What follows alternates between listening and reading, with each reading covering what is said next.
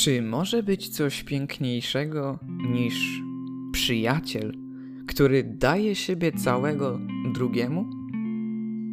Pan Jezus ustanowił Eucharystię podczas ostatniej wieczerzy. Ofiarował całego siebie. Kilka godzin później zostanie pojmany, ubiczowany, a swoją ofiarę zwieńczy śmiercią na krzyżu. Wie, że jego apostołowie, jego przyjaciele opuszczą go, uciekną jak zdrajcy. Nawet Piotr, ten, który obiecywał, że jest gotów umrzeć za niego, będzie bał się przyznać do mistrza przed prostą służącą. Jezus wie, że Judasz go sprzeda za trzydzieści srebrników. Jest to cena za niewolnika. Jednak słabości ludzi nie są przeszkodą dla Boga, ale przestrzenią, gdzie Bóg jeszcze bardziej okazuje swoje miłosierdzie.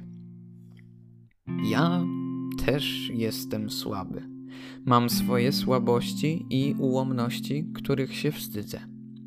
Widzę swoją niegodność, małość.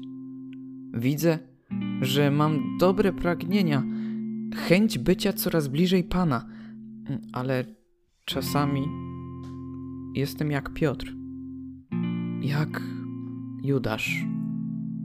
Ale nie o to chodzi, żeby skupiać się na swojej słabości, ale na Panu. On, mimo tego, że wie, jaki jestem, zna mnie przecież najlepiej, klęka przede mną, aby tak jak apostołom i mi umyć nogi. A potem mówi: To jest ciało moje, to jest krew moja. Jak mówi katechizm Kościoła katolickiego, Eucharystia jest ofiarą, ponieważ uobecnia, czyli czyni obecną ofiarę krzyżową. We mszy świętej Chrystus jest kapłanem, tym, który ofiaruje. Jest również ofiarą, bo On sam siebie ofiaruje, tak samo jak na Golgocie. Msza święta to szczyt miłości, który muszę nieustannie odkrywać i zdobywać. Popatrz na to, jak przeżywasz mszę świętą, z jakim sercem przychodzisz na Eucharystię.